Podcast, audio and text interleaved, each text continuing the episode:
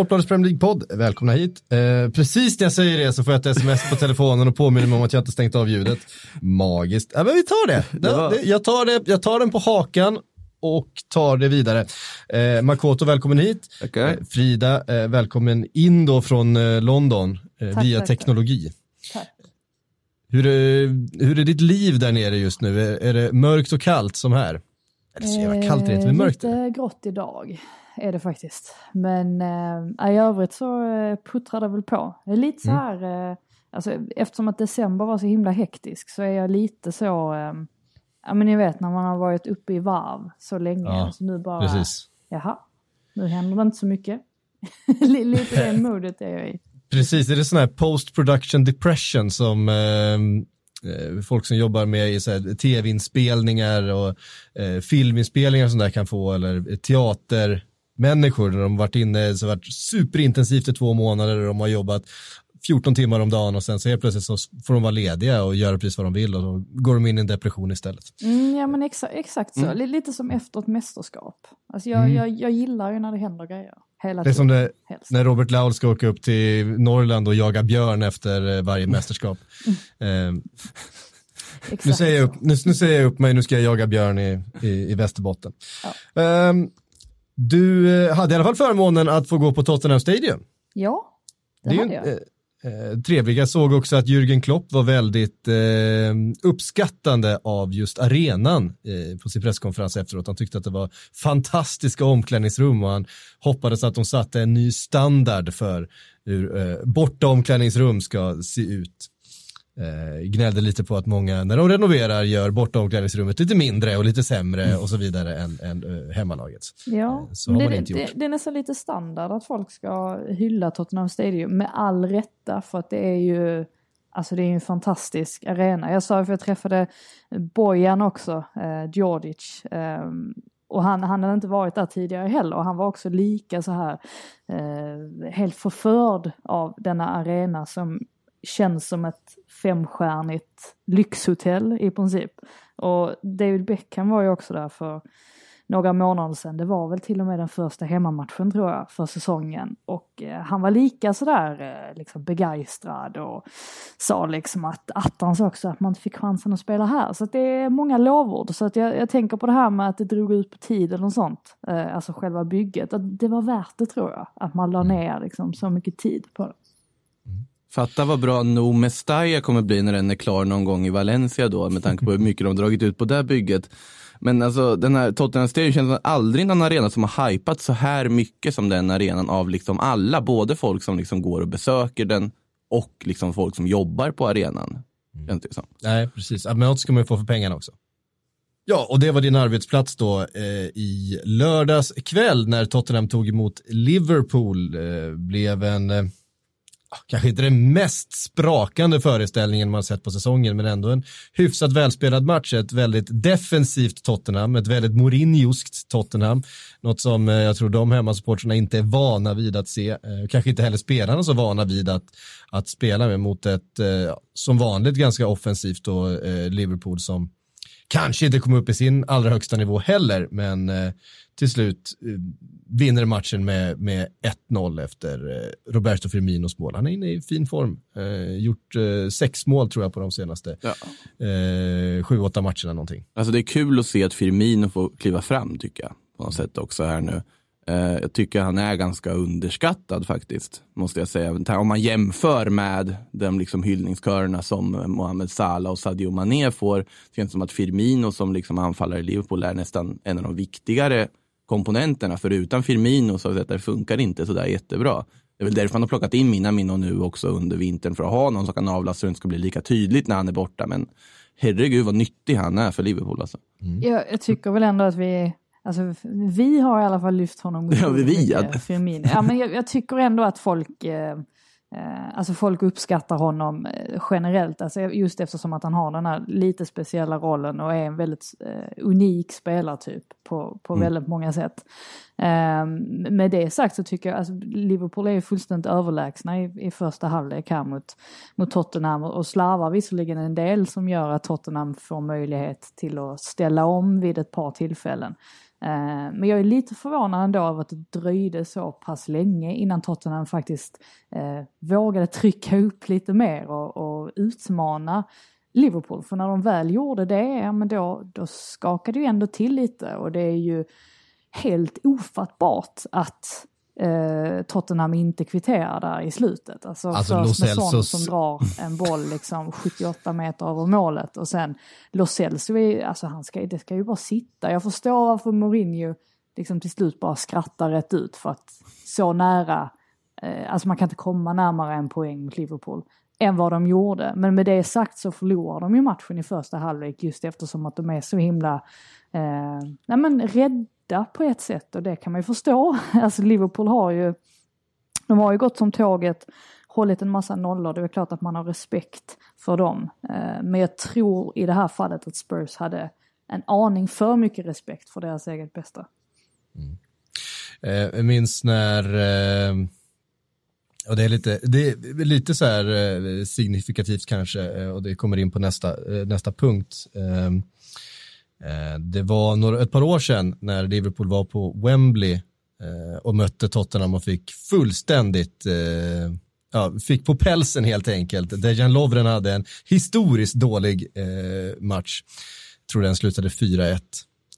och hur Jürgen Klopp i det läget sa, vi lärde oss oerhört mycket av den här matchen. Jag tror att det är, det är två och en halv säsong och sådär. Sen dess har Liverpool förlorat fyra ligamatcher. Eh, sen den matchen, sen den gången. Eh, och det säger någonting, eh, och det jag skulle leda in på att eh, i och med den här segern så är det då den bästa ligastarten någonsin i någon av de eh, fem eh, största toppligorna i Europa. Eh, och det, det är faktiskt ett ganska, ett ganska sanslöst rekord mm. att slå. Ja, och det börjar ju bli, alltså nästan bli lite svårt att hitta vinklar alltså på Liverpool, jag, jag pratade om det med en kollega efteråt också, just det här med att man, man vet knappt vad man ska skriva längre för att det känns som att allting eh, är redan sagt. Alla vet vilket fantastiskt lag det här är. Eh, så jag spekulerade lite i det här med, liksom, kan Liverpool nu eh, med tanke på hur bra det ser ut, kan de gå obesegrade genom hela säsongen och alltså göra en det är ju Invincible. Så jag förstår ju att det är ju, det är ju ingenting som supportrar tänker på idag, men med tanke på liksom hur det ser ut så, så man, man får liksom hitta någonting att skriva om. Och likheterna mellan det laget, eh, alltså Arsenal då och Liverpool nu, det är ju just det här med att de är så fruktade på ett sätt. Alltså när Thierry Henry och, och hela gänget när de ställde upp i, i spelartunneln så, eh, så sägs det ju till och med att motståndarna redan innan de klev ut på planen bad om Arsenal-spelarnas tröjor efter matchen. Eh, alltså det, det, skulle ju aldrig hända idag, alltså så långt har det ju inte gått. Eh, jag kan i alla fall inte se liksom Dele Alli be om Sadio Manés tröja, det hade ju, det, det, det hade oh. känts lite märkligt. men, eh, men, det hade ju inte hänt. Å andra Nej. sidan så jag förstår själva grejen, för att det är lite ditåt som vi har gått och det såg man ju också på Tottenhams matchplan att folk har ju liksom 100% i respekt för, för Liverpool. Och det är klart att det stärker Liverpool-spelarna också att känna av det, att de har ett sånt pass stort mentalt eh, överläge. Så att även om man inte vill snacka om obesegrade sviter och sånt, jag tror dessutom att de är lite för överlägsna för att kunna gå obesegrade genom hela säsongen. För de kommer ju troligtvis säkra titeln ganska tidigt och då kommer de säkert rotera och så vidare. Men, och då kommer det vara antagligen Champions League och så vidare. Så, ja, nej men exakt. Eh. Men med det sagt så är det ju ändå fantastiskt att de liksom har kommit Eh, alltså dit de är Liverpool. Och, och det, det är ju mycket hårt arbete som ligger bakom det. Men eh, ja, vi får se hur länge de liksom lyckas hålla sig där uppe på den nivån. För det är ju det som är det svåra, att faktiskt liksom behålla den intensiteten och den mentaliteten och faktiskt motivera spelarna. Mm. Um, och det är också lite roligt att, för Klopp blir ju väldigt sur varje gång han får en fråga sådär, oh, kan ni slå det här rekordet, eh, kan, ni, kan ni gå obesegrade hela säsongen, har ni avgjort ligan nu och så vidare. Eh, och så blir, han, så blir han alltid lite irriterad, han säger, jag vill inte prata om sånt där, det är helt irrelevant.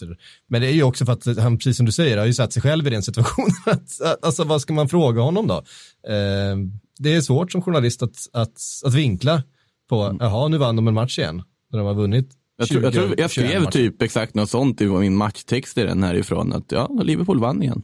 Mm. Något i den stilen. Men det, det är ju otroligt imponerande, och det man blir så glad av, det har jag säkert sagt förut också, är ju att ändå just långsiktigt arbete, att man har lagt en tydlig plan, vi har valt en tränare som på lång sikt ska liksom bygga det här laget, har handplockat de spelare man tycker passar bäst i den här truppen på alla sätt och vis och får framgång med det. Så man är på så sätt är man ju föredöme för alla klubbar som jobbar sig uppåt. Titta på Liverpool innan liksom Klopp och så vidare. Man var ju nere på den nivån vi sitter och skrattar åt United och Arsenal och så vidare. Liverpool var ju där en gång i tiden. Och det, ja, det är inte så länge sedan. Nej, precis. Och det är ju långsiktighet och jobba liksom målmedvetet och ha en tydlig plan så kan det bli väldigt, väldigt bra helt enkelt. Sen är det ju precis som du säger Frida, att ja, hur länge kommer det hålla? Kommer det bli en dynasti av det här? Eh, kommer det bli, finns det inte möjlighet till liksom tre raka Champions League-titlar? Ja, det, det får vi se helt enkelt. Men nu tror jag att ligan är så otroligt prioriterad i år också i och med att man inte har vunnit den. Mm, precis. Um, ett par, vad ska jag säga, att Liverpool hade rätt mycket tur i den här matchen också, även om de dominerade, skulle jag säga, 60-70 minuter utav mm. den.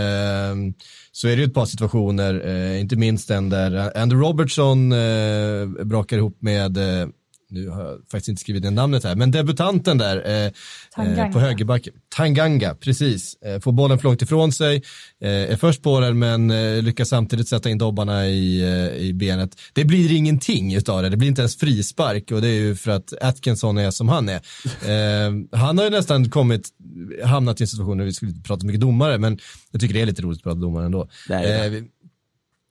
att han blåser inte för någonting längre. Jag vet inte vad han har tänkt på det, men, men när han spelar, alltså han har liksom slutat blåsa så känns det ändå som att han, han kan komma undan med grejer. Men uh, här borde det såklart varit frispark. Uh, väldigt många ville ha det till ett solklart rött kort. Jag, tycker du inte det är rött? Jag tycker inte att det är eh, rött om man tittar på situationen. Eh, han vinner bollen Dobbarna tydligt. i benet. Ja, fast han, han, eh, han eh, gör faktiskt ganska mycket för att avstyra själva kollisionen i, det är en, det är en stillbild som är, blir lite missvisande faktiskt, för att om man tittar på hela situationen så eh, både drar han in benet och vinklar ner dobbarna precis i kontakten. Sen så hamnar dobbarna där ändå. jag så han vinklar att, in dem i benet? han, han, han, han liksom Eh, eh, han försöker liksom eh, avbryta själva stämplingen i, i situationen, vilket jag tycker, han gör tillräckligt mycket för att det ska vara ett gult kort eh, och inte ett rött kort. Det finns väldigt många olika åsikter om. I Match of the Day tyckte Gary Lineker inte alls att det var en frispark. för att han vinner bollen. och det gör han ju. Eh, men eh, nej, gult kort tycker jag det ska vara. Eh, Mourinho var inne på att han såklart då tyckte att det var ett rött kort. Det är hans, hans, hans uppgift att tycka det. Och väldigt många tyckte att det var ett rött kort och det hade det säkert kunnat bli också. Så där hade ju Liverpool uppenbarligen tur för att med tio man, ett Spurs som eh, började hitta fram igen, ett Liverpool som såg ganska trött ut på slutet, då tror jag det hade blivit väldigt svårt att hålla den här ledningen hela vägen. Mm. Eh, och för svårt blev det ju även med, med elva man, det såg vi ju eh, på slutet där. Tottenham gör ju, alltså, även om man blir överkörd i första halvlek så gör man ju faktiskt en väldigt bra alltså, insats med värd poäng. Mourinho var väl inne på det efter också, att han var väldigt stolt sett till skadeläget man har i laget och så vidare. Hur man ändå svarar i andra halvlek, hur man skapar lägen. Men ja, det enda som inte fanns var liksom målet i princip. Mm. Um, ja, Liverpool då såklart eh, cementerar sin eh, eh första plats i tabellen. Eh, har då 61 poäng efter eh, 21 spelade matcher, visst stämmer det?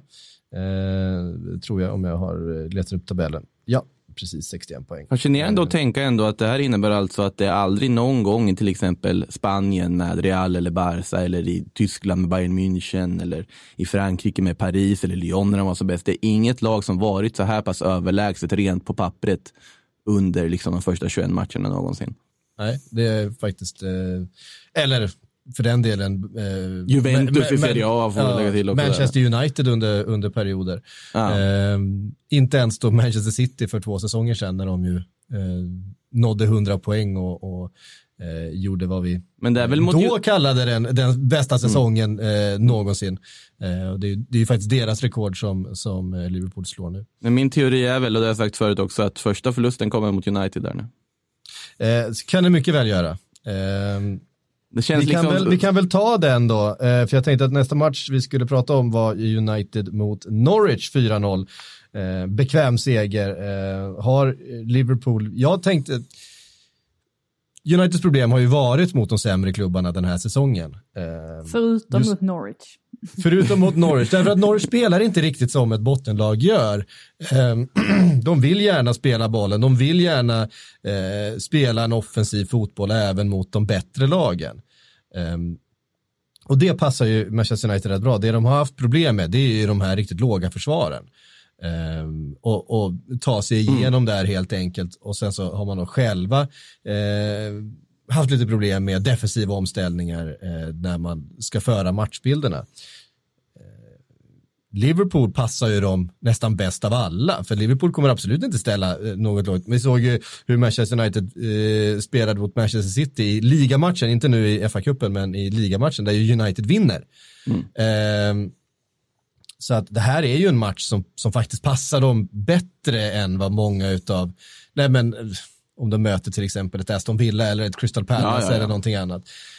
Um, så på det uh, sättet så kommer det bli väldigt intressant och intressant då också att, att de faktiskt kommer till matchen med ett sånt här bra resultat i ryggen. Eh, 4-0, trygg seger, två mål för Rashford, uh, Greenwood kommer in och gör mål igen, Martial gör mål igen. Få leverans på dem du vill ha leverans på i det här läget också. Nu, nu har ju för sig både Martial, Rashford och Greenwood allihop har ju faktiskt levererat under säsongen. Rashford är väl uppe på ganska många mål, ganska högt i skytteligan. Lite i skymundan där med samtidigt som United som lag då inte har levererat. Men det här med Norwich, ja man spelar en rolig fotboll, man försöker spela och de har hyllats väldigt mycket för fotbollen man vill spela. Men samtidigt så kvarstår ju faktum att man ligger hjälplöst sist i tabellen det, man kan ju fundera, ja det kanske är roligt för oss som tittar utifrån, men hur roligt är det för Norwich att man spelar på det sättet man gör? För bevisligen funkar det ju inte. Eh. Nej, ja, men precis. Jag tänkte bara, mm. alltså just det här med att möta Wolves också i eh, morgon blir det va? Ja. Ja, eh, just det, det är ju alltså den matchen också. Ja. Den, den matchen, alltså det kan ju inte bli bättre egentligen för Manchester United att möta Wolves i det läget. Eh, alltså med tanke på att Wolves är ganska, ser ganska trötta ut och Nuno skriker efter nyförvärv och sådär. Så att nu helt plötsligt, det är ju lite så här med Manchester United att helt plötsligt så går det, det går jättedåligt ett tag och sen helt plötsligt går det lite bra ett tag. Eh, man ska ju ha lite flyt också. Möta Norwich, det är ganska tacksamt. Det var ju, eh, när de möttes på Carrow Road, det var ju definitivt en av Uniteds bästa matcher eh, de, alltså den gången också. Eh, och mm. möta Wolves då imorgon. Så att nu, nu är de helt plötsligt inne i en bra period igen. Men alltså faktum kvarstår ju att de, de har ju fortfarande sina problem, framförallt där på mittfältet och med skador eh, och så vidare. Så att det är ju, um, det blir ju bara ett sånt där andningshål som mm. Solskär får då och då. Men uh, ja, alltså alla problem de finns fortfarande. Ja, Norwich är, är, tog sist i ligan och eh Eh, det finns inte så mycket som talar för dem just nu. Eh, ingenting nästan skulle jag vilja säga i det läget där det ändå känns som att det finns mer go i vissa andra lag där nere. Nu kanske inte Bournemouth hör till lagen som har ett go just nu, men till exempel ett Watford. Eh, och Aston Villa har väl i och för sig inte rosat marknaden heller, så jag kanske tar tillbaka det jag sa om att det var ett go i de andra lagen, inser jag nu efter lite egen fundering. Nej, men, men sen är det ju lite så alltså med Norwich att det är väl inte hela världen för dem om de åker ut. Alltså, det, det, är en ganska liten klubb, alltså de vet om att de har begränsade resurser. Det är klart att de skulle vilja stanna kvar i Premier League för att det innebär alltså långt mer pengar. Men den största faran för dem är ju egentligen att de sitter på väldigt många unga spelare som alltså, andra klubbar har koll på. Så skulle de trilla ner så är det ju fullt möjligt att flera av dem väljer att liksom sikta på att stanna kvar i Premier League på egen hand och inte minst Cantwell då men även Bundia och det finns ett gäng andra också. Eh, så mm. där ligger ju faran för Norwich att om de åker ur nu så finns ju risken att de helt plötsligt står med ett blankt papper och så måste de liksom värva in nya spelare och hitta nya guldkorn. Eh, det är nog det som är faran, alltså mer än att just den här själva grejen med att åka ur. Alltså jag tror att Farke till exempel, jag, jag tror att han sitter ganska lugnt ändå trots att han är så här, eh, ja, lite naiv kan man väl kalla honom ibland när de spelar mm. mot de större lagen. Mm. Ehm, en annan eh, sak som har highlightats av många är ju Manchester United och deras brist på kreativitet på mitten har vi ju eftersökt. De behöver verkligen en tia och så vidare. Nu kommer ju Juan Mata in som ju vi vet har kreativitet i fötterna och levererar en, eh, en sagolik passning till Marcus Rashford, Rashfords första mål och, och, och bidrar ju med just det här. Det är ju en duktig fotbollsspelare fortfarande. Sen hjälper sen... det ju att han får tiden på sig i en sån här match mot Norwich som, som ju ser så uppgivna ut. Och, eh, men det är ju den typen av spelare, sådana spelare som när de får tid på sig fortfarande kan vara helt fantastiska. Om jag ska dra en japansk referens här så vet jag när jag såg eh, Yasuhito Endo, Japans svar på Guti, spelar ju fortfarande, var han 37-38 i eh, Gamba Osaka då som lagkapten fortfarande. Jag såg honom live för, vad blir det, två år sedan. Och han är ju fortfarande gudabenådad blick för spelet och alltihop. Han var ju landslagsman länge. Men vad långsamt det gick. Han behöver ju i princip liksom tio sekunder för att vända, ta emot boll och fördela. Och det var ju nästan tragiskt att titta på. Nu är ju inte Juan Mata på den nivån, men det säger en del att du har fortfarande kvaliteten, bara att det, det går så långsamt. Och Mata mm. lider ju lite av det ändå, mm. på det här sättet. Och jag tror man behöver få in någon som har lite mer ungdomligt driv. Du måste ja. ju få in en tia som har det. Säg att du skulle kombinera Jesse Lingards löpvillighet med Juan Matas fotbollshuvud och kvalitet. Du hade fått en ganska bra tia tror jag. Att man fått en, eh, en Madison då ungefär? Nej, jag tänkte snarare nu, ja kanske en Madison, men det är väl en Bruno Fernandes som känns närmast om vi ska gå in på Silly-spåret här. Just det, Bruno Fernandes är det pratas om. Vi ska inte in på Silly nu. Okay. Eh, vi kommer, vi, vi kommer, vi, vi, kommer det, det, kommer bli pyttelite Silly sen när vi pratar Aston Villa. Eh, men, eh, men eh, Eh, vi, var, vi pratade om det, Rashford, att han liksom är lite skymundan då har smugit med i skytteliga-toppen. Eh, han ligger nu delad tvåa eh, på 14 mål med Danny Ings som är i en helt superform för Southampton. Eh, Southampton som åkte till King Power eh, Stadium och fick sin revansch då på, på, på Leicester efter 9-0 förlusten eh, senast. Eh, ett Southampton som faktiskt går i, åker dit och är betydligt bättre än Leicester. Någonting har ju verkligen hänt med eh, Hasenhüttels gäng. Ja, nej men det har det ju. Alltså först och främst så släpper de in betydligt mindre mål nu jämfört med vad de gjorde tidigare. Vilket man får ändå säga är tvärt emot Leicester som länge såg extremt stabila ut försvarsmässigt. Och så nu har de liksom börjat krackelera lite där och det, det är väl mycket det som är anledning också till att de eh, Eh, till att det har sett ut som det har gjort alltså den senaste tiden för deras del. Dessutom så, så har det ju blivit så nu i och med att Leicester har, har haft sina framgångar, ja men då, då blir lagen eh, de möter alltså lite mer passiva och står betydligt lägre och Leicester har eh, alltså, de senaste matcherna haft otroligt svårt att luckra upp lågt stående försvar. Så att eh, ja, de, de börjar ju få sina problem där. Men med det sagt så är det väl klart att det är fantastiskt imponerande. Alltså dels av Southampton att inte låta sig svepas med efter den här horribla förlusten och, och sparka Hassenhüttel eller göra någonting drastiskt utan att man ändå liksom behöll eh, alltså samma tänk och, och, och höll sig liksom på samma spår. Och Danny Ings, han är ju liksom ett samtalsämne för, för landslaget nu definitivt, alltså för EM i sommar. Eh, inte minst nu efter Harry Kanes skada. Alltså det pratas om att man, eh, eller man nämner ofta att ja men ring Jamie Vardy, men å andra sidan så Danny Ings ligger nog eh, längre fram, eller det sägs i alla fall att han gör det, att Gareth Southgate definitivt har ögonen på honom. Och han är ju bara 27 år gammal. Alltså man glömmer Bara det 27? Lite, han har varit med så himla länge. Och 27 år, det är ingen ålder kan jag säga, eftersom att jag själv är det. ja, 39 är ingen ålder heller, i sådana fall, tycker jag. Eh, på tal om ändå där. Eh, på tal om eh, fina är ändå, alltså ändå. Eh, ja, i alla fall.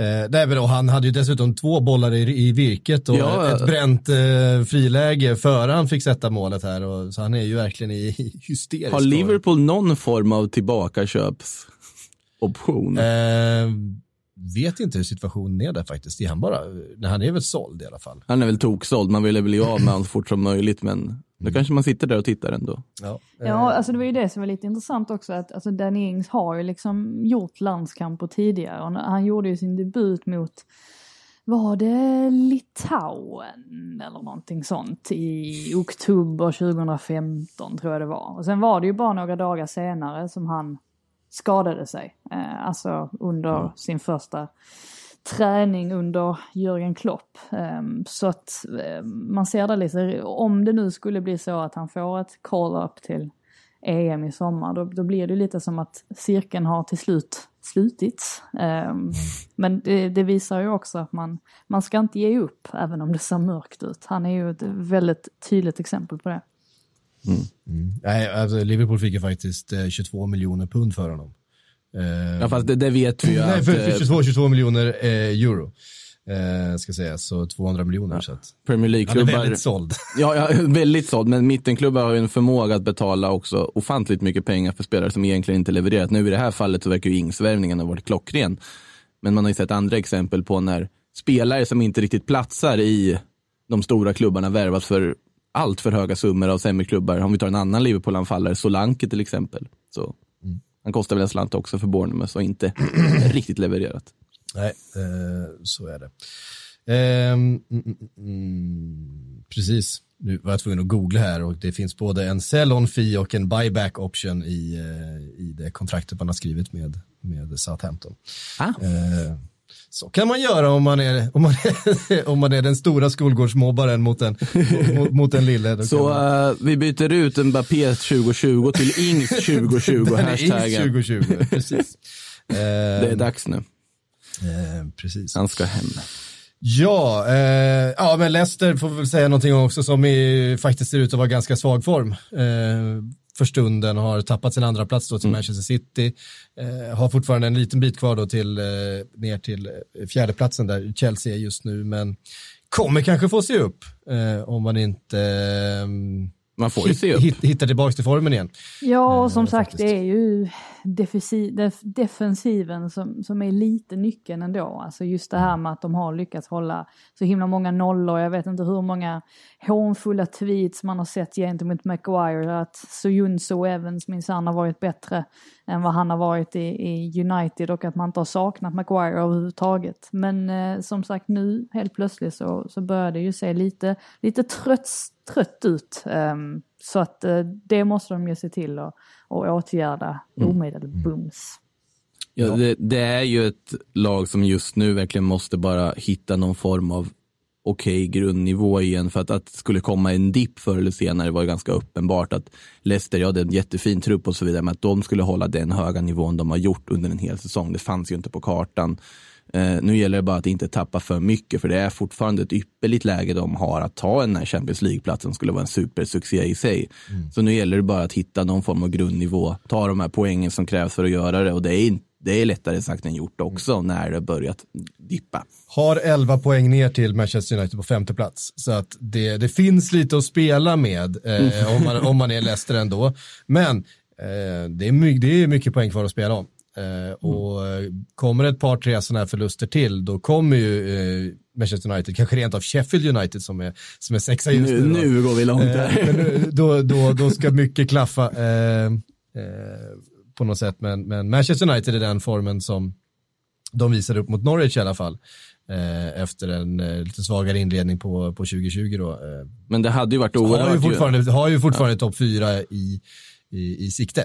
Nu hade inte det här påverkat ligan, men det hade ju varit oerhört United anno säsongen 1920 att nu åka, möta Wolves och torska med 0-3 efter att de har fått någon form av. Ja, det har varit lite typiskt ja. ja. Eh, nu är det ju eh, Anfield till eh, helgen. Jag tror nästan de hellre möter Liverpool och Wolves eh, i läget. De har mindre, mindre att förlora på den matchen dessutom så mm. får de. Får Bra de... läge för Wolves lägger jag till istället då här som en liten kontring. Mm. Ja, jag vet inte. Eh, exakt. Vidare, eh, Crystal Palace Arsenal 1-1. Um, Aubameyang, först målskytt, sen eh, eh, syndabock, rött kort och sen eh, Också... Jordan Ayew eh, kvitterar på slutet.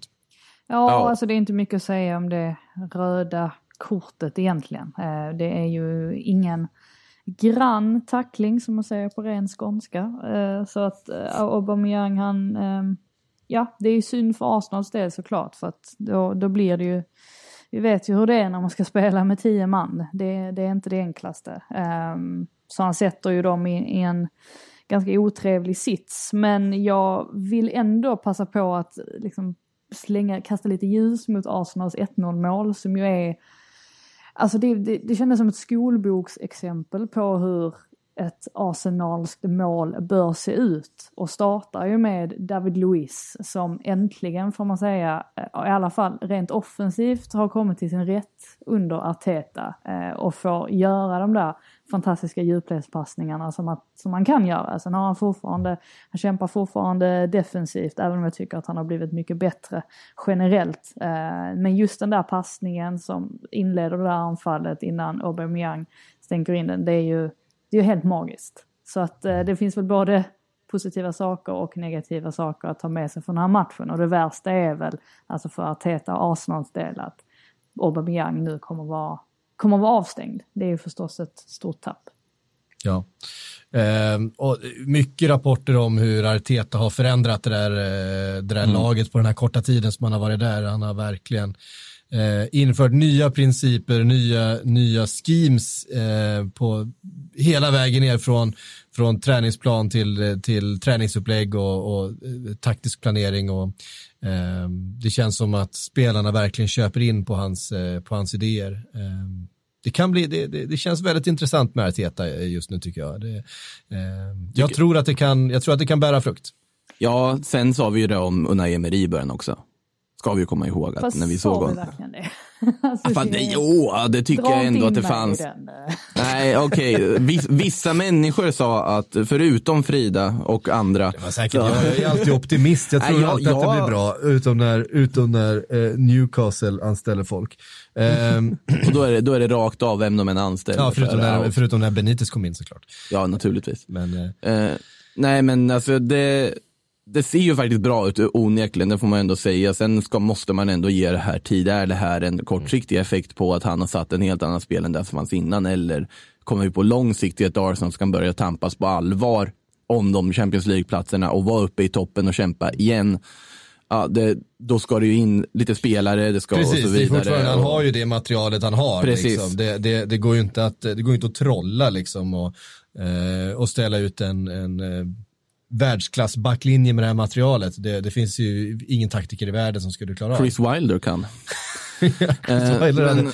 men jag, jag, tycker verkligen inte att man kan dra paralleller till Emery. Alltså jag tycker att det är en helt annan känsla kring Arsenal än när Emery kom in. Framförallt så verkar spelarna faktiskt veta vad de ska göra numera. Det var väldigt oklart under Emery och det var väl det har väl spelarna liksom hintat lite om också att det, det, var, det var svårt att förstå vad som vad, vad de skulle göra ute på planen och de hade väldigt, väldigt svårt att förändra en matchbild om de väl hamnade snett. Alltså det har ju Arsenal visat nu, exempelvis mot Leeds, att de faktiskt kan liksom göra en usel handlek och sen så gå ut och liksom vända på steken igen. Eh, mm. Så att jag, jag har väldigt stort förtroende för Arteta, alltså som objektiv åskådare. Men eh, med det sagt så, alltså den, den, stora farozonen det är ju just det här med att när man liksom ändrar träningsupplägg och sådär så här drastiskt mitt under säsong så finns ju risk att liksom skador börjar avlösa varandra. Alltså det, det är snarare mm. det tror jag som jag är orolig för, för Artetas del. Um, om det skulle bli så. Uh, för som sagt, de har ju redan en ganska tunn trupp ändå. Skulle de då få några ytterligare skador på några nyckelspelare, ja men då, då blir det ju tufft. Men i övrigt så, alltså just på hela, hela sättet Arteta pratar alltså när man lyssnar på honom på presskonferenser, när man eh, ser vad han har gjort på så här kort tid, alltså jag har i alla fall oerhört stort förtroende för honom. Alltså just nu ser jag i alla fall honom som en av de absolut främsta tränarna i hela ligan och det, det trodde jag inte att jag skulle göra från början. Men eh, ja, se där, man blir ständigt överraskad. Mm -hmm. Bollen är rund. mm. eh, Chelsea-Burnley. Jag, jag letar, jag hörde ni hur eh, kugghjulen eh, snurrade ah, igenom där efter en segway? Jag såg minen också där. efter en segway. Jag hittade ingen segway mellan Arsenal och Chelsea. I en annan del av London. Ja, precis. Eh, det finns säkert hur många som helst, den bara eh, klockade inte in just nu. Chelsea-Burnley 3-0. Mm svagt, Burnley, fjärde raka torsken. Eh, ingen bra form på dem, men en eh, skön trepoängare för Chelsea. Som ju... Alltså, eh, oerhört skönt skulle jag nog säga för Chelseas del med tanke på att man äntligen bryter den här förbannelsen på Stamford Bridge som ändå har, alltså det har ju legat som en blöt filt över dem att de liksom inte kan, att de har svårt att luckra upp lågstående försvar, de, de har svårt att vinna på sin egen hemmaplan. Det är inte sånt man vill höra riktigt. Um, så jag tyckte det var rätt många alltså bra grejer att ta med sig för, för Lampards del från denna matchen. Uh, och ett är ju att det har ju pratats mycket om Hudson och Doy som kom tillbaka efter skadan och var ganska bra inledningsvis och sen tappade han mer och mer fart och eh, började ifrågasätta sig själv vad det verkade och hade lite problem med självförtroende och sådär. Eh, men nu med Pulisic skadad och efter den här matchen så känns det liksom att han kanske får ja, men lite, extra, eh, lite extra power från, från det här och att han faktiskt mm. kan komma in, eh, komma in i vårsäsongen lite mer och, och eh, göra, och göra bra mål. och göra mål och göra bra ifrån sig. Eh, för att nu tror jag ju att han börjar tänka på att det är liksom ett EM hägrar. Det tror jag i och för sig att mm. många spelare tänker på. Och han har ju fortfarande chans att ta en plats där, men då måste han ju liksom upp eh, ett snäpp jämfört med hur han har varit under, under vintern, alltså särskilt december. Ja, det är fruktansvärd eh, konkurrens på de där platserna i engelska landslaget just nu. Sancho, Sterling och Madison och eh, hela gänget ska in där och eh, såklart Hudson och Doy. Eh, ja, det är många där som vill, in, vill in. Rashford ska dit. Eh, det kan vi vara rätt säkra på.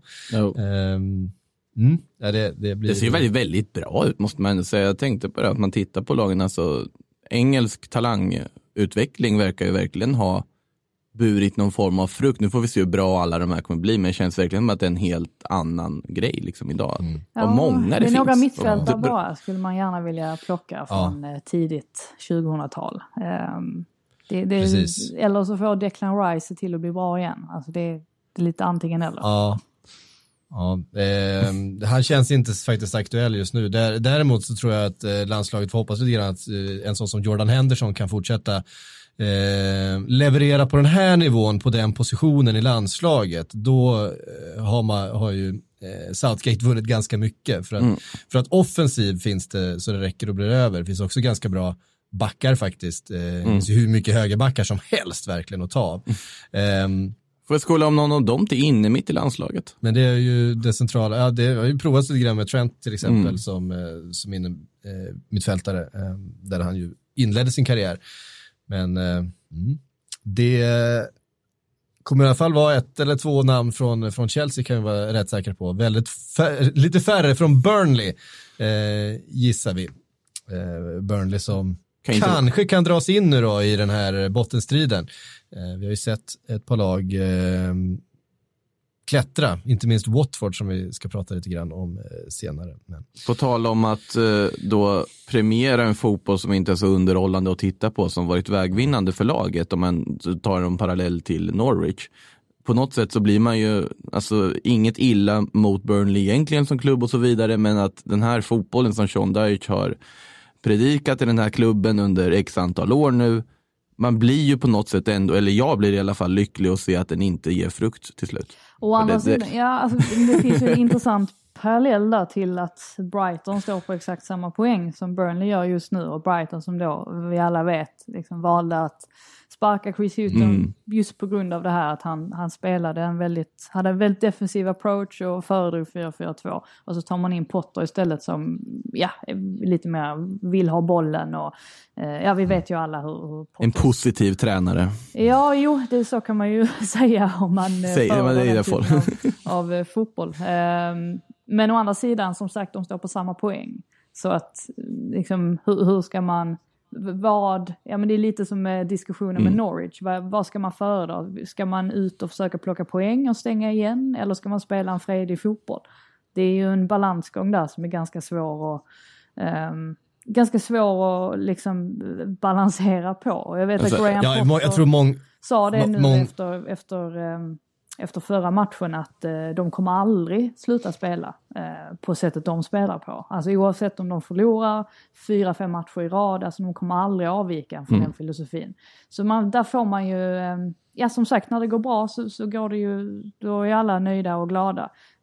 Men frågan är liksom när det börjar gå dåligt om man förlorar fem, sex matcher i rad, alltså ska man, ska man förändra sig då? Det är ju det, är ju det som är hela fotbollens gåta. Alltså så är det ju. Det är ju också spelar, viktigaste är ju egentligen spelarmaterialet. Alltså vad har du för spelare för att spela vilken typ av fotboll? Och i Burnleys fall så har det ju varit så att de har alltid haft nu material, medvetet då kanske, haft materialet för att spela den typen av fotboll de har gjort. Om Burnley skulle ut och plötsligt börja försöka spela kortpassningsfotboll, de skulle ju slå poängrekord, fast negativt, skulle minuspoäng i princip, eller på att säga. Mm. Så att det är på så sätt gör den enda rätta. Samtidigt så vill man då kanske ett sånt lag vill man hellre se i Championship höll jag på att säga. För att det är sån anti-fotboll. Alltså. Det, ja. det, det, man blir nästan lite ledsen alltså, av att se det. Alltså, personligen känner jag så i alla fall. Är man Ginger Mourinho så, så är man. Eh, det är ju bara så. Nej, men jag, tror många, jag tror många faktiskt äh, har äh,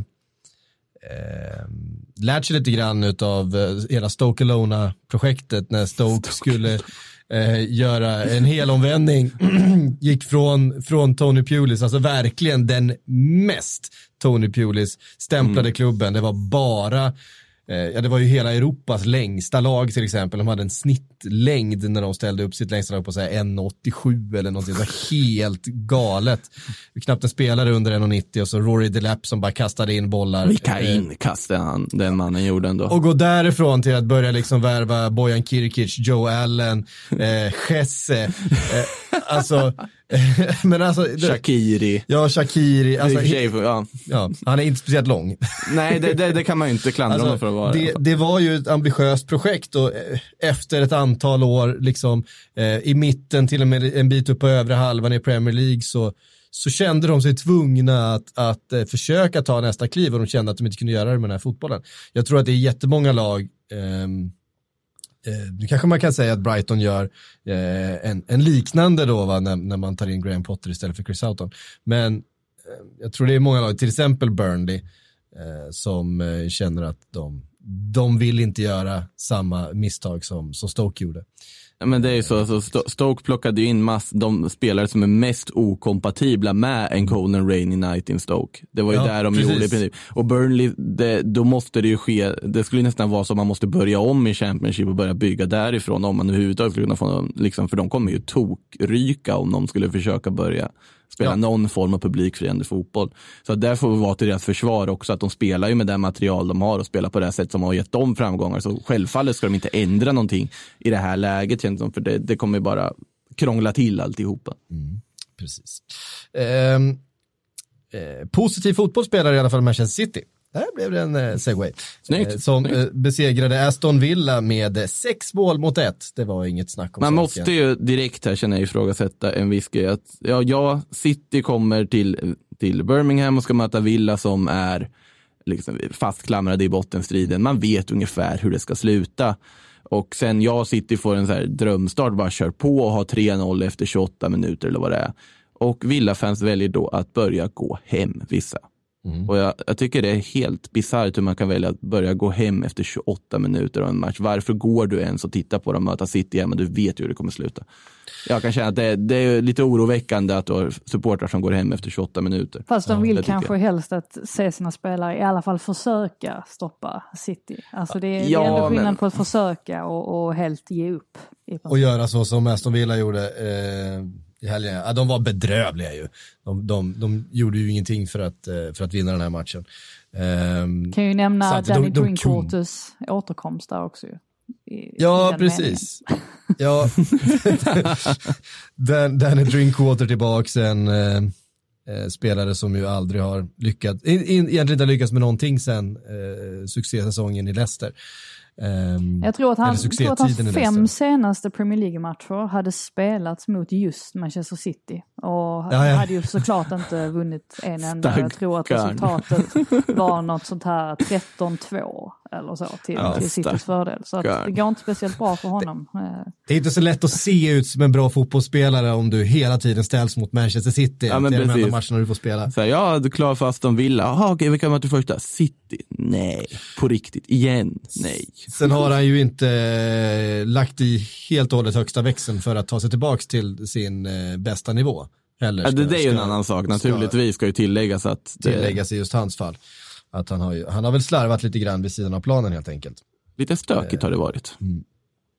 Men eh, Villa också då med eh, några, att McGinn skadades eh, i december mm. har ju varit väldigt, väldigt kostsamt för dem. Han är ju, var ju den enda spelaren förutom eh, Jack Grealish som faktiskt bidrog eh, med poäng, visst El Ghazi till viss del och sådär, men ehm, men McGinn var ju, var ju kanske hela lagets bästa spelare eh, tillsammans med Grealish får man säga eh, under hösten och, och eh, det tappet och sen när man har eh, förlorat Tom Heaton dessutom eh, till skada. Pepe Reina. Men, men nu har man ju plockat in Pepe Reina så jag tänkte det, Var det det som var det, din var det Såklart det var en gammal Liverpool-profil som har gått någonstans.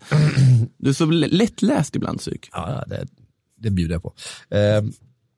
Nej men Pepe Reina in till Aston Villa och det, är ju, det blir man ju glad av. Jag blir det. Det, det är Pepe Reina. Ja, absolut, absolut. Jag tänker att man får kanske ändå säga någonting om City. Alltså, det är ju trots allt fantastiskt att se dem spela fotboll när de är så här bra. Det tror jag alla höll med om. Kanske med undantag för Dean Smith då, eh, naturligtvis. um, och man liksom har pratat jättemycket om det Bröne med all rätta eh, under hela säsongen. Um, och inte pratat lika mycket om Agüero, men det är väl för att man förväntar sig nästan att han ska göra sådana här sjuka mm. grejer som att slå en mm. massa rekord. Och, eh, vi visste ju liksom att han, alltså, han förmodligen var, ja men han kanske var till och med det tiotalets bästa spelare i Premier League. Eh, men jag menar alltså att han gör, han gör alltså ett, ett hattrick per 21 matcher han spelar.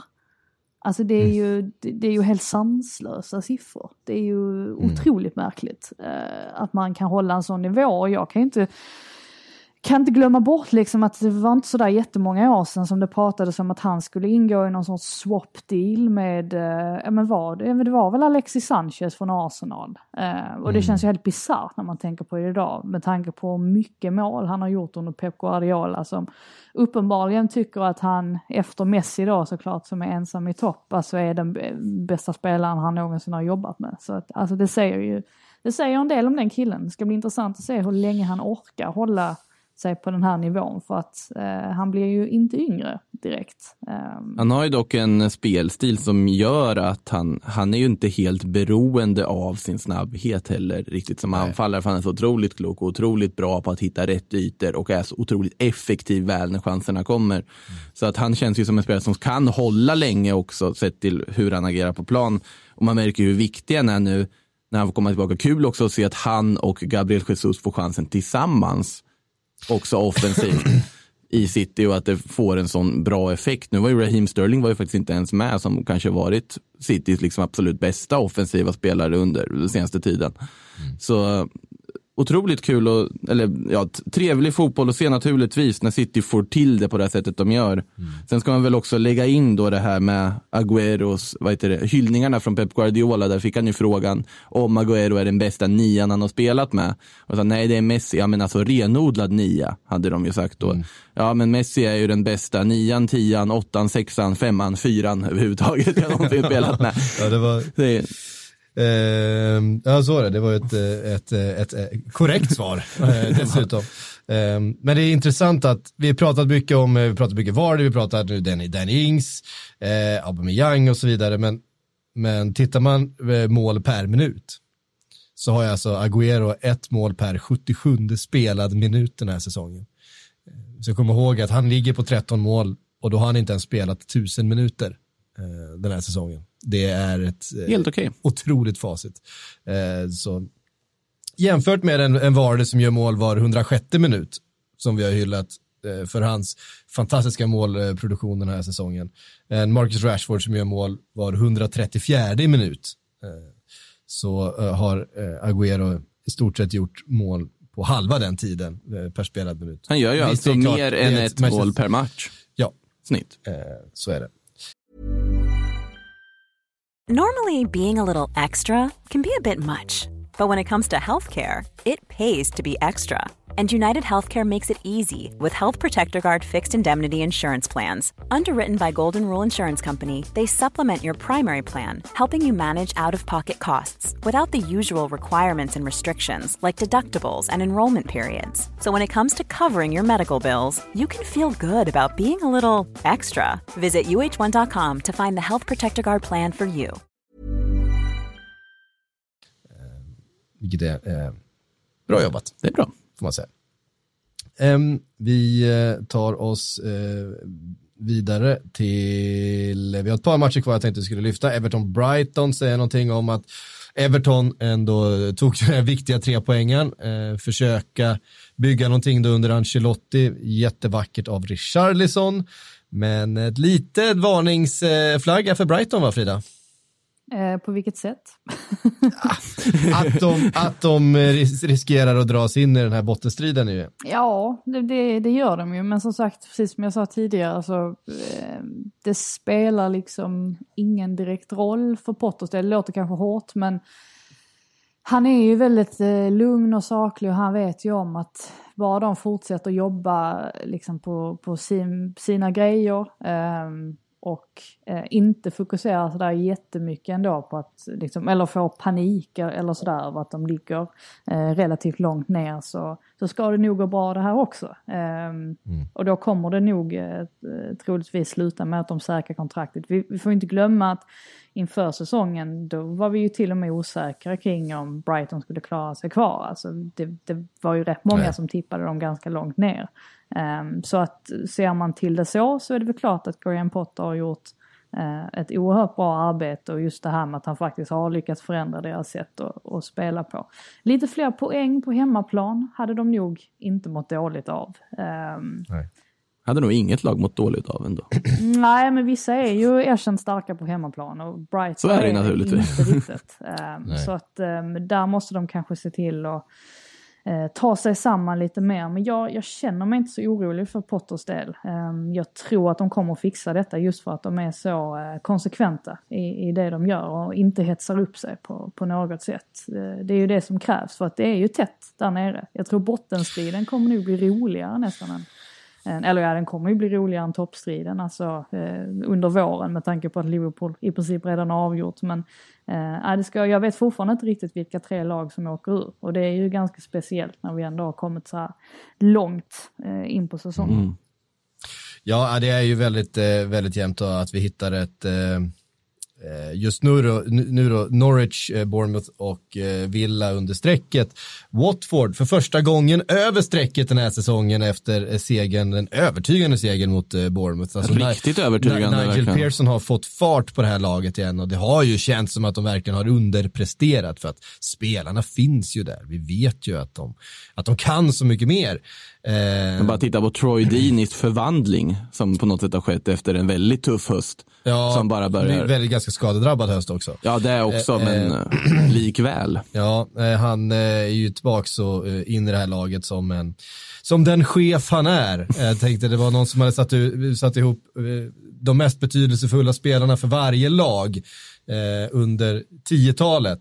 Mm. Just Watford är det ju kanske den lättaste uppgiften man har, för Troy Deeney kom till Watford som eh, 2010 och sen har i stort sett varit liksom talismanen för det här laget, kaptenen, hela hjärtat mm. och lungorna för det här laget eh, sen dess och att han är, är tillbaka och gör mål igen och, och är sådär besvärlig. Det var, det var väl i Viasat-studion som de beskrev det när han kommer dit och, och bombar in den här från nära håll i straffområdet. Det, man sticker inte gärna dit foten och försöker blocka det skottet när eh, Troy Dini kommer med fart och, och förväntar sig ett motlägg och går in med, med full vrist på det sättet. Han är, han är skoningslös i de situationerna. Man, mm. man måste ju ändå stanna lite vid Nigel Pearson som, alltså med ganska små medel ändå, har ju lyckats med någonting som uppenbarligen varken Xavier Garcia eller eh, Kike lyckades med eh, tidigare. Och det var ju i princip, alltså när Kike var där så ja, men då spelade man 3-5-2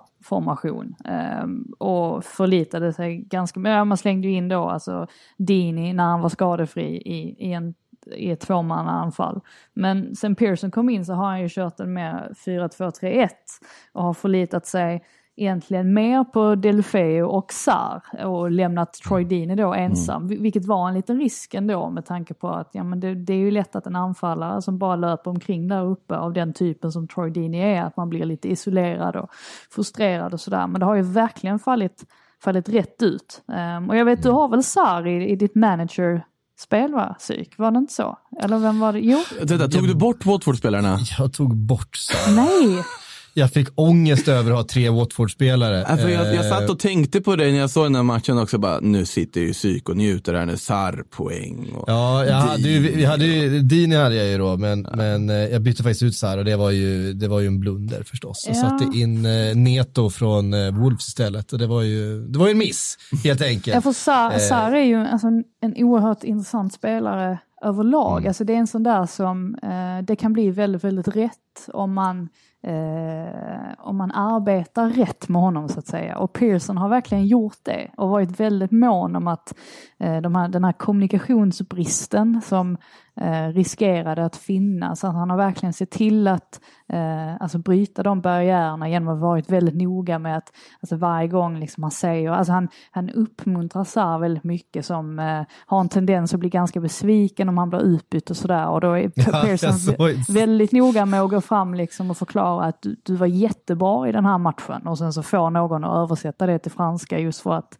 eh, han, liksom, mm. han, han ser ju potentialen i Sarr och han ser liksom att här gäller det att bygga upp ett sorts självförtroende för att han ska mm. fortsätta på samma spår. Um, och där har han verkligen lyckats. Jag tycker att Nigel Pearson från att i princip har varit, alltså han, jag vet jag twittrade efter Liverpool-matchen redan. Uh, just det här med att uh, det skulle inte förvåna mig om Watford klarar sig kvar under våren, vilket vore sensationellt med tanke på riset på där de låg. Och nu menar jag inte att jag ska hylla mig själv, liksom, åh vilken bra spaning, för att det var, det var så uppenbart att han eh, hade, hade lyckats förändra liksom hela mentaliteten i Watford bara genom att vara där. Så det tycker jag att Nigel Pearson ska, eh, ska hyllas för eh, extremt mycket. Bara det här formationsbytet, man tänker att när man tittar på Watfords trupp, Sarri till exempel var ju det stora stjärnnyförvärvet. Det var ju han som kostade pengar nu i sommar att ta in. Mm. Du har honom och du vet vilken kvalitet Delofeu har. De två spelarna är som totalt ogjorda för att spela ett 3-5-2 med tanke på deras offensiva kvaliteter från kanterna. Det känns ju som att de i ett 4-2-3-1 kommer helt på ett annat sätt till sin alltså, rätta och liksom får använda sina kvaliteter på ett annat sätt och blir alltså, nyttiga för laget. ja, och, och, samtidigt så ut, utnyttjar man ju Capos eh, lungor och, och, mm. och liksom tempo på, på mittfältet som, som dynamo. Eh, och är väldigt mm. viktig i den här matchen också. Men vi måste säga någonting om, om Bournemouth för att det ser inte bra ut. Det ser Nej. ut som att eh, Eddie Howe har lite slut på idéer, idéer eh, med just det här laget. Det är, det är ju på något sätt en humla som har flugit väldigt länge eh, fastän de egentligen inte kan. Det är ju en pytteförening i, de, i mm. de här sammanhangen med en liten arena, en liten budget och den lilla budgeten han har haft måste man säga det här har han ju misslyckats med. Alltså de betalat mycket pengar för Jordan Ibe och Dominic Solanke till exempel mm. från, eh, från Liverpool. Sålde, eh, nu tappar jag namnet, eh, eh Vem har de sålt nu igen? Ja, nej men eh, har, har sålt spelare som sen har eh, lyckats i andra klubbar som man eh, blir lite förvånad av. Um, Titta på de 300 man la för Jefferson Lerma också under sommaren. Där. En duktig mittfältare, men när man tittar på vad det brukar kosta att köpa från La Liga, om vi tittar ur ett Premier League-perspektiv. Personligen hyllade jag Levante för att ta rätt betalt för honom, men samtidigt så ur ett Premier League-perspektiv så är det ju ett överpris sett till vad man brukar lyckas värva spelare från La Liga för, sett till Lermas kvaliteter jämfört med kanske andra spelare. Det är en bra mittfältare fortfarande, men och Ja, men det är ju så på något sätt, att, lite också på det vi var inne på Burnley, att och Eddie Howe var ju själv inne på det här också efter matchen, att det är ju inte lätt att förändra någonting. Vi måste ju ändå fortsätta spela på det sättet vi kan spela. För om de tvärtom hade börjat gå och liksom tjonga långt och kasta långa inkast, så det hade inte gått. Det hade inte blivit något bra av det heller. Å andra sidan så var det ju faktiskt lite så de gjorde på Stamford Bridge när de åkte dit och faktiskt eh, plockade alla tre poäng. Alltså just att de spelade betydligt mer cyniskt än, än vad de brukar mm. göra. Och startelvan som House ställde ut mot Watford, den innehöll ju, alltså det var ju inte speciellt många nyförvärv direkt, utan det var ju de här spelarna som, som faktiskt eh, var med om att liksom ta upp Bournemouth i Premier League till och med och, um, och, och, göra dem till ett stabilt lag där. Um, jag tror inte att, alltså Bournemouth sitter i en väldigt uh, speciell sits just nu med tanke på att, ja men det är lite en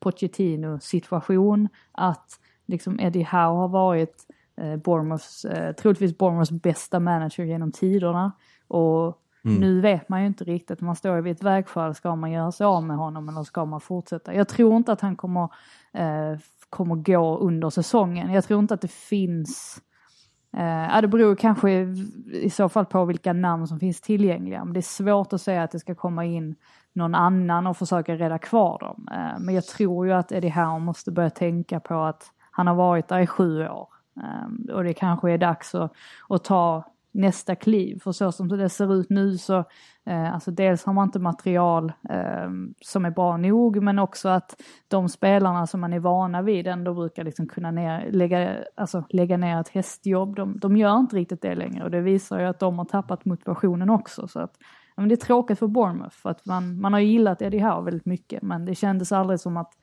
han fick aldrig den här sista lilla, man trodde ju, han pratade så om att han skulle till större klubbar och sådär, men han, mm. det känns som att han missade lite sin, sin chans, tyvärr. Det är, de, de behöver ju någon form av nytändning. Alltså även, det är ju inget illa om Eddie House gärning har varit fantastisk i Bournemouth under de här åren, men på något sätt så känns det som att det kanske varit för det bättre för Bournemouth om Howe hade tagit ett steg uppåt eller någonting tidigare. Det blir intressant att se vad som, om nu säger att Howe lämnar efter den här säsongen, var hamnar han? Hur intressant är han idag med tanke på det? Liksom, lite stagnerade Bournemouth ändå, för jag tror ändå att det är fortfarande en väldigt bra tränare som kan göra väldigt mycket nytta om man skulle komma in i ett annat lag. De har ju haft, alltså det måste man ju trycka på också, de har mm. haft enorma skadeproblem eh, som har förstört för dem. Eh, det, det, ska man vara väldigt tydlig med att säga. Eh, mm. Det är många, det är inte lätt när man är en, en ganska liten klubb och, och försöker hålla sig kvar i Premier mm. League om man i princip har liksom halva truppen skadad, vilket de faktiskt har haft. Mm. Nej, eh, spelarna, eh, spelarna jag tänkte på i Bournemouth var att de har ju faktiskt, eh, de hade ju Tyrone Minks, Minks till exempel, ah. utlånad till Aston Villa, sålde honom till Aston Villa i somras. En spelare man hade kunnat hålla, som de hade haft mycket nytta av. En Lysbosett som har gjort jättebra i, i Sheffield United. Eh, var ju också i Bournemouth tidigare och lyckades inte mm. där. Eh, såldes i somras och har haft en väldigt fin säsong. Så att, och istället har man fyllt på med dyra spelare utifrån som har floppat. Så att, mm. eh, otur, absolut, eh, men också oskicklighet. Dåligt på, sportcheferi. På, på transfermarknaden. Eh, ligger faktiskt lite till grund för eh, Bournemouths situation nu. Jag tror att det blir väldigt svårt för dem att hänga kvar eh, den här säsongen. Det känns som att med alla skador de har haft eh, den här säsongen, med det lilla materialet och den, de små resurserna som de har, eh, då blir det väldigt... Känns som oerhört, nu vet jag inte, man ska inte vaska en säsong när man håller på att åka ur om vi säger så, men det kan vara ett bra läge att skeppa Ake. Aki. Aki. Alltså jag kan fortfarande inte uttala det. Jag tycker okay. det, ser så enkelt ut, men jag kan inte säga det rätt. Jag förstår inte. Ja, i alla fall. Mm. Ja, Eh, vi ska ta lite frågor innan vi stänger butiken. Eh, vi tar den här. Sheffield måste vi väl nämna kanske också, eller? Innan. Ja, vi, kan, ja, vi får nämna Sheffield att de tar tre poäng mot, eh, mot eh, West Ham i, eh, i fredags kväll. Mot just West Ham dessutom. Nu har de ju slagit dem i straffläggning i ligacupen där 2014 eller vad det var. Men med tanke på Carlos TVs maskerna fanns ju också på läktaren och det måste varit extra skönt. Nu är det ju blandade känslor när det blir ett måljubel på att ett mål döms bort på VAR, men Ja. ja. och Declan Rice var ju fly förbannad efter ja, matchen. Vi, han har ganska stor rätt att vara förbannad. Att, uh, West Ham skulle ha haft en poäng. Så, så var det med ja. det. så, så var det faktiskt med det. Uh, ja, det är ju ja, det är igen ett sånt där uh, mål som i alla andra tider hade blivit mål, men i de här tiderna med VAR inte blir det. Framförallt för att hans regel är en idiotiskt skriven och en framförallt väldigt svår regel att förhålla sig till. En diffus någon. regel. Den är svår, det är en svår regel att förhålla sig till för de som skriver den, eh, för de som ska implementera den som är domare och för spelarna som ska försöka följa den. Eh, det, är en, det är en krånglig regel som ingen riktigt får rätt på. Den... Hockeyallsvenskt slutspelsträd. ja, eh, precis. En, fråga från Zigzag här. Ett anfall med Traoré och Hulk. Vem skulle ni sätta in som, eh, som eh, centerforward mellan de två? Psyk, Troy Dini. Det är, din, det är din fråga, du får svara på det. Det är du som är Adama Korre. Ja, ja, Adama, Adama Korre. Eh, sen så är det ju så här att eh, Hulk ser ju ut som en eh, spädis jämförelse med Adama Traoré. Eh, det är ju faktiskt så, även om han är en eh, stadig bit han också. Hulk lever mycket på namnet också. Ja, precis. Det är mest att han har kallats Hulk. Han är ju ingen, han är ju ingen bjässe egentligen. Han skjuter väldigt hårt.